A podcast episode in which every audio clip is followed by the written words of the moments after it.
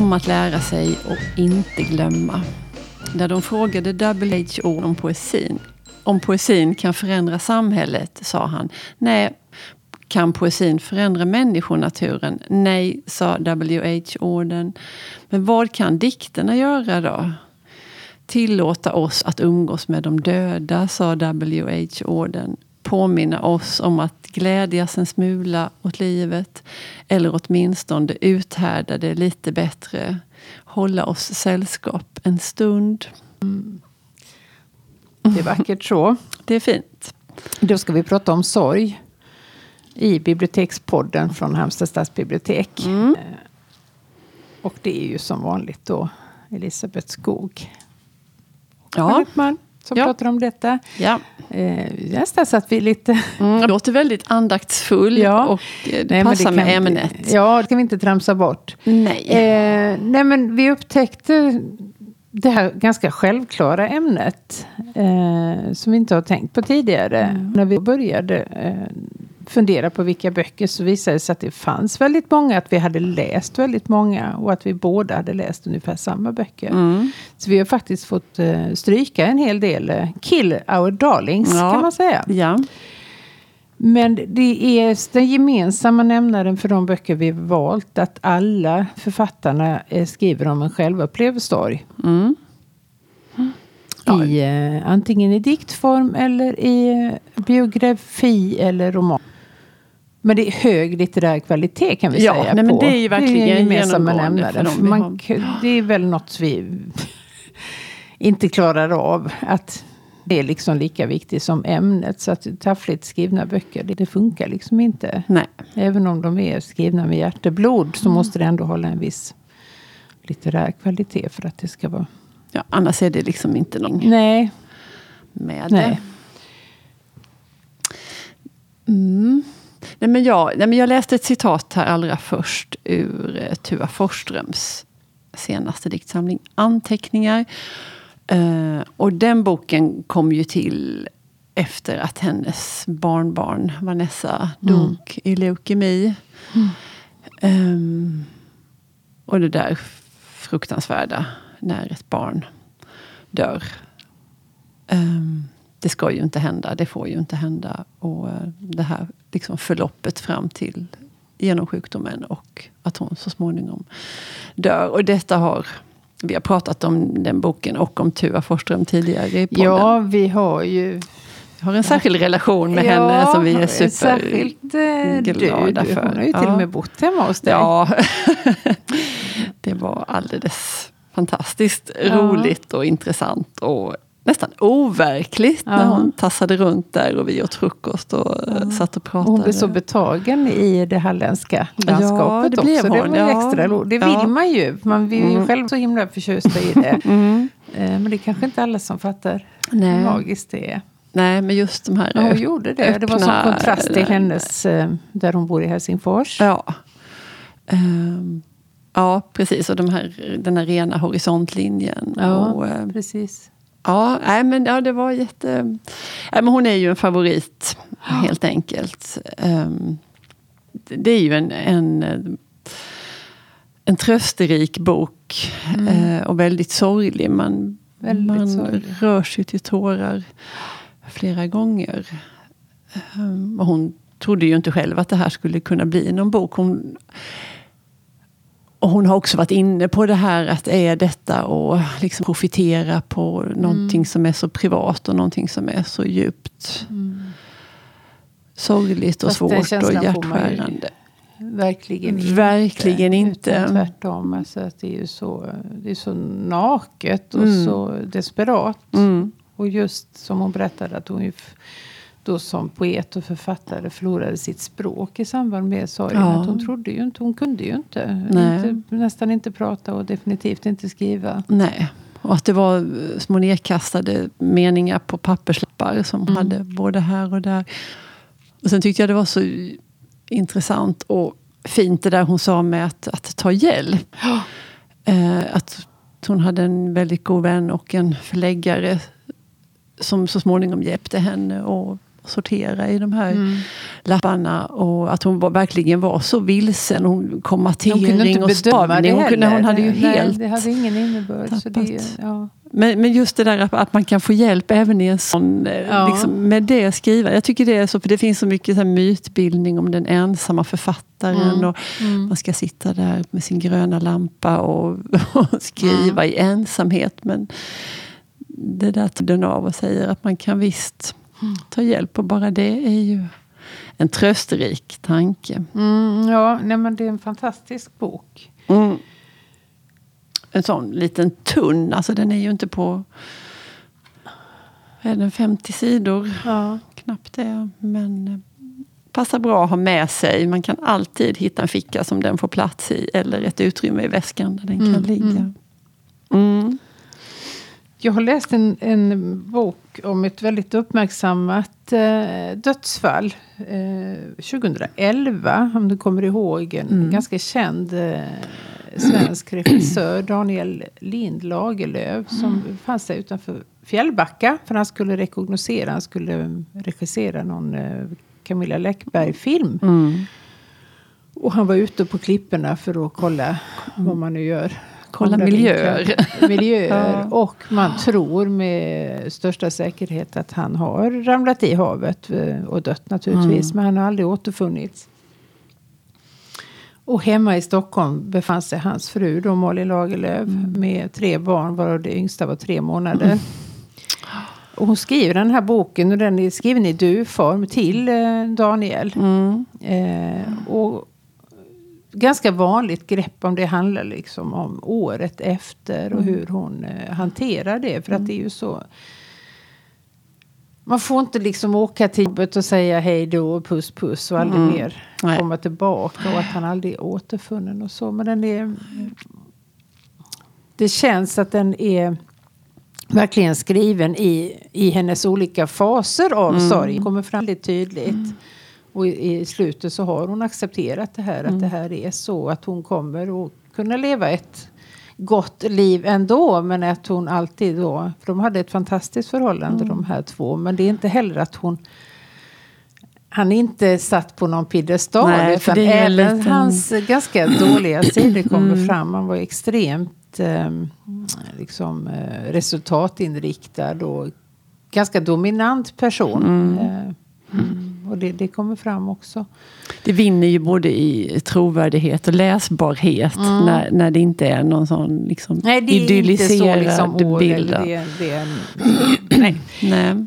Eh, sen är det ganska handfasta tips. Här. Jag tänkte läsa mm. upp ett av dem. Mm. Fem råd änka. Mm. Och bara för henne att använda det här ordet änka var väldigt, väldigt svårt. Hon fick någon, någon brev från eh, någon folkbokföringen. Mm. Liksom, och att hennes civilstånd var änka. Hon tyckte det var helt ah. makabert. 1. Ligg ner. Andas. Försök inte vara duktig. Lite sömnmedel är inte hela världen. 2. Be om hjälp. Din omgivning kommer att tacka dig. 3. Gråt om du vill. Låt bli om du inte kan. Gör ingenting för att du tror att någon förväntar sig det av dig. 4. Spara den dödes kläder eller släng. Flytta eller låt bli. Bara du vet när det är dags. 5. Första gången du skrattar igen eller när du plötsligt en dag får lust att köpa någonting åt dig själv. Känn ingen skuld. Detta är viktigt. Känn aldrig någon som helst skuld för att du är den som ler. Nej. Ja, mm. fint. Där är det ju en, liksom en aspekt till det där med att aldrig hittades. Det blir ja. en Ah, svårighet är ju ett förklenande ord. Men, ja, men, nej, men det här behovet att ha en plats. Ja, och, och att det ändå finns någon sorts naturligt förlopp. Och det mm. Se den döda kroppen, det är begravning, det är allt mm. sånt där mm. blir ju helt kullkastat om inte ja, och sen rent det finns en kropp. för att det tar nej, så lång tid innan, man blir dödförklarad. dödförklarad. Ja. Jag tror om det är tio år eller... Mm. Ja. Mm. ja.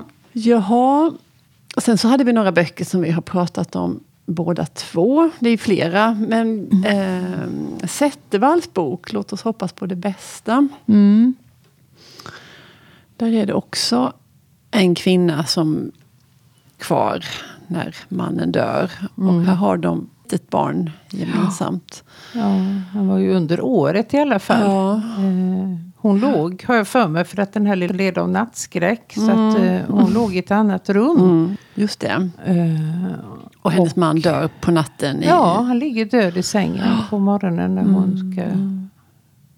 Ja, de ska äta frukost. Och han är ju 35. Mm, ja. Eller kanske inte ens det. Nej, någonting där. Mm. Och där är det just där många tankarna att åh, om jag hade legat bredvid så hade det kanske kunnat bli något annat. Och, Ja. Men det får hon besked av en läkare sen att Hon det hade hon säkert inte Länge kunnat. väldigt övertygad om att hon har orsak. För att hon driver ju på så otroligt. För han Mm, är ju inte den... Han är ingen doer om man Nej, säger men det så. är ju hon med Och, besked. hon, och det ska flyttas och det ska Mm. bytas jobb och det ska skaffas barn. Och hon inser liksom att... Katt hon, ska de ha först och, och sen katt, ska de ja. ha Och barn. han vill ingenting av detta. Nej. Mm. Utan han vill låta det ta sin tid. Hon känner att hon har inte råd med det. För vill hon ha barn så är hon tvungen att agera ganska så, Mm. så snart. För att ja, den biologiska klockan liksom tickar Mm. ju inte all evighet. Eh, Nej, men plus den här olikheten i personligheten Ja, där. plus att hon det. verkligen men hon sä- på. ställer ju ett ultimatum. Mm. Antingen skaffa vi barn eller också lämnar jag dig. Och han går med på det. Och, så hon känner ju sån stark skuld att, att Mm. jag har drivit dig i döden.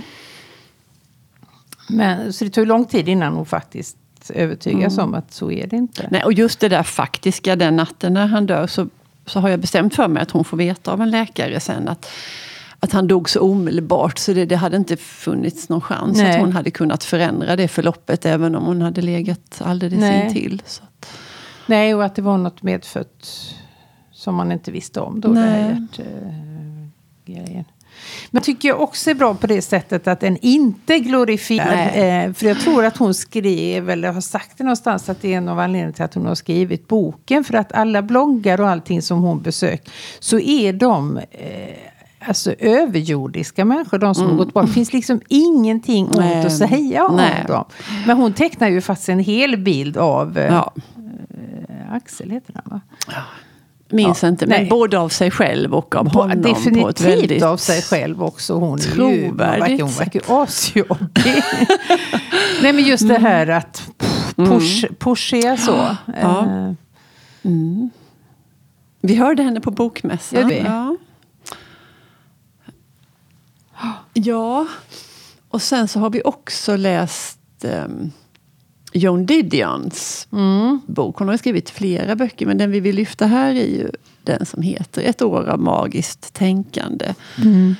Som ju är en grundbok och en grundbok som vi läser om Omsorg. omsorg ja, verkligen. och att bli kvar. Eh, vi pratade lite här innan om just det där själva begreppet magiskt tänkande. Mm. För det återkommer ju. Eh, Tuva pratade om magiskt tänkande och Mm. flera andra gör det. Eh, det är ju ett sätt att bringa någon sorts förenklad logik i ett handlingsförlopp. Ja. Ehm, Om jag gör så här så händer inte det. Nej. Eller så händer det här. Att Ja. man, man tror att man kan styra det på något sätt. Ja, precis. Och det, ja. Ehm, och det kan väl också vara ett sätt att, att hålla liksom ordning på tiden och dagarna. Och att man kan räkna saker. Och man kan, Ja, och så liksom det obegripliga. Att det får någon form Ja. av eh, precis, och så vet man ju säkert att det här är ett mycket förenklat resonemang. Ja. Men jag vet att du sa det här om, om att Tuva hade resonerat, eller liksom tänkt för sig själv så att om det kommer någon med en röd ryggsäck. Ja, hon sa det att hon kom- ägnade sig åt detta helt maniskt Ja. hela dagarna. Att om, nästa, om det kommer två svarta bilar i rad så Ja. kommer Vanessa att överleva. Om Mm. den personen har en röd ryggsäck. Alltså, det, hon kunde inte yta det här tänkandet. nej. Eh, och hon visste såklart. Ja. Men det, det hjälpte inte. Nej. Eh, Nej, men, också fungera som besvär. Ja, ja. Men hon drabbas ju osannolikt hårt, eh, Johan Leon, för att eh, deras dotter, de, hon och hennes man, har en adoptivdotter Mm. eh, som drabbas av någon ganska banal eh, blod eller någon infektion som utvecklas till sotande tillstånd. Mm. Och de är och besöker henne på, så börjar boken, att Ja, de är precis. på akuten eller där hon ligger och de vet att hon svävar mellan liv och död. Och det är nyårsafton. Mm. Och kommer hem och ska äta och mannen faller död ner. När de sitter vid Mitt bordet. vid middagsbordet. Mm. Ja, det är väldigt... Och sen dör ju dottern också Mm. kort därpå. Mm.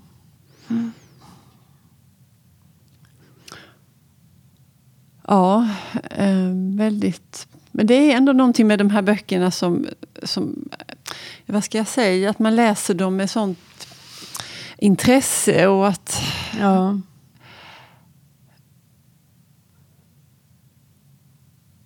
Och inte vet jag om man tänker att man, det, det tror jag inte att man tänker, att man på något vis kan rusta sig själv. Men det är ändå något trösterikt att läsa om att, Mm. att människor kan gå igenom så här fruktansvärda saker. Och, Ja. Och att de inte Dela fastnar i det heller. Nej. Utan alla de här har ju faktiskt gått vidare. Sorgen Mm. finns kvar. Men de Mm. lever ju. Och precis som hon skrev där, Malin Lind. Att man får ju inte känna skuld för att man är den Nej. överlevande. Nej. Och du, måste, du kan ju inte låta det stanna kvar i ett tillstånd resten av livet. Eh, utan man låter sig och vara levande, Ja. tror jag. Och sen om man då är författare av... För det, de här vi nämnt, de är ju det redan in. Det är inte så att de ska skriva av sig Nej. något, utan de är, Det de är ju författare. De gör ju ett konst av det. Ja. Eh, Och det vet jag, eh, Monica Fagerholm sa i en tv-intervju en gång att man att om det ska bli bra, om det ska bli liksom på riktigt så kan man gå till sina smärtpunkter. Det är säkert fler än hon som Mm. har sagt det. Men Mm. det, det handlar Ja, ju det här om det i allra låter högsta rimligt. grad. Ja. Nej, vi fick ju som sagt sålla där lite grann. Men vi Mm. vill ändå nämna några andra böcker. De är också av eh, otroligt läsvärda i, Ja. inom det här ämnet. Mm. Eh, Och den jag tänkte på först, det var Tom Malmqvist. Mm. I varje ögonblick är vi fortfarande vid liv. Mm. Och han råkar ju också ut för något helt osannolikt. Att hans fru under graviditeten får någon leukemi, tror jag det är. Mm.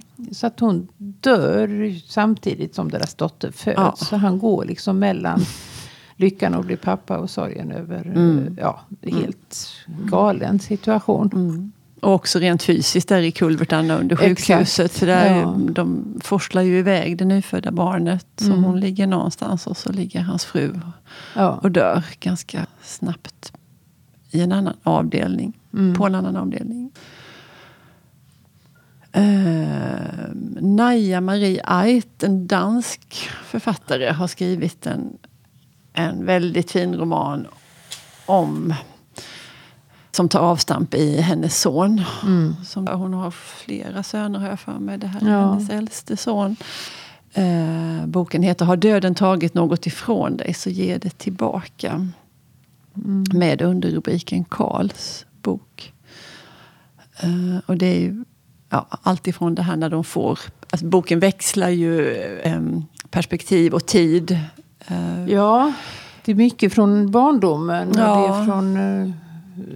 Ja, och när de och- fick beskedet Ja. och att de sitter där. Det är på kvällen de får veta det. Och Mm. det här är då, liksom fram till att då visste vi ännu inte. innan, Nej, ja. Precis. Precis. Eh, Ja, men den är Mm. väldigt, väldigt bra. och den är också så smärtsam. Ja, och jättesmärtsam. hemsk. Ja, ehm. och sen vill jag bara nämna Gunvor. Det är roligt att ha med olika genrer som sagt.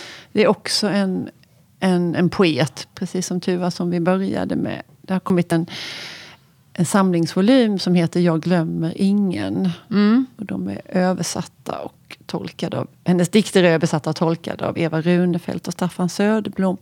Ja. Hela hennes författarskap bottnar ju i en, en förlust som hon var med om redan som hon var bara några och tjugo när hennes eh, flickvän eh, blir deporterad ifrån eh, Oslo, Norge, till Auschwitz och dör. Då hade de haft en relation under två års tid och verkligen varit själsfränder och Mm. allt för varandra.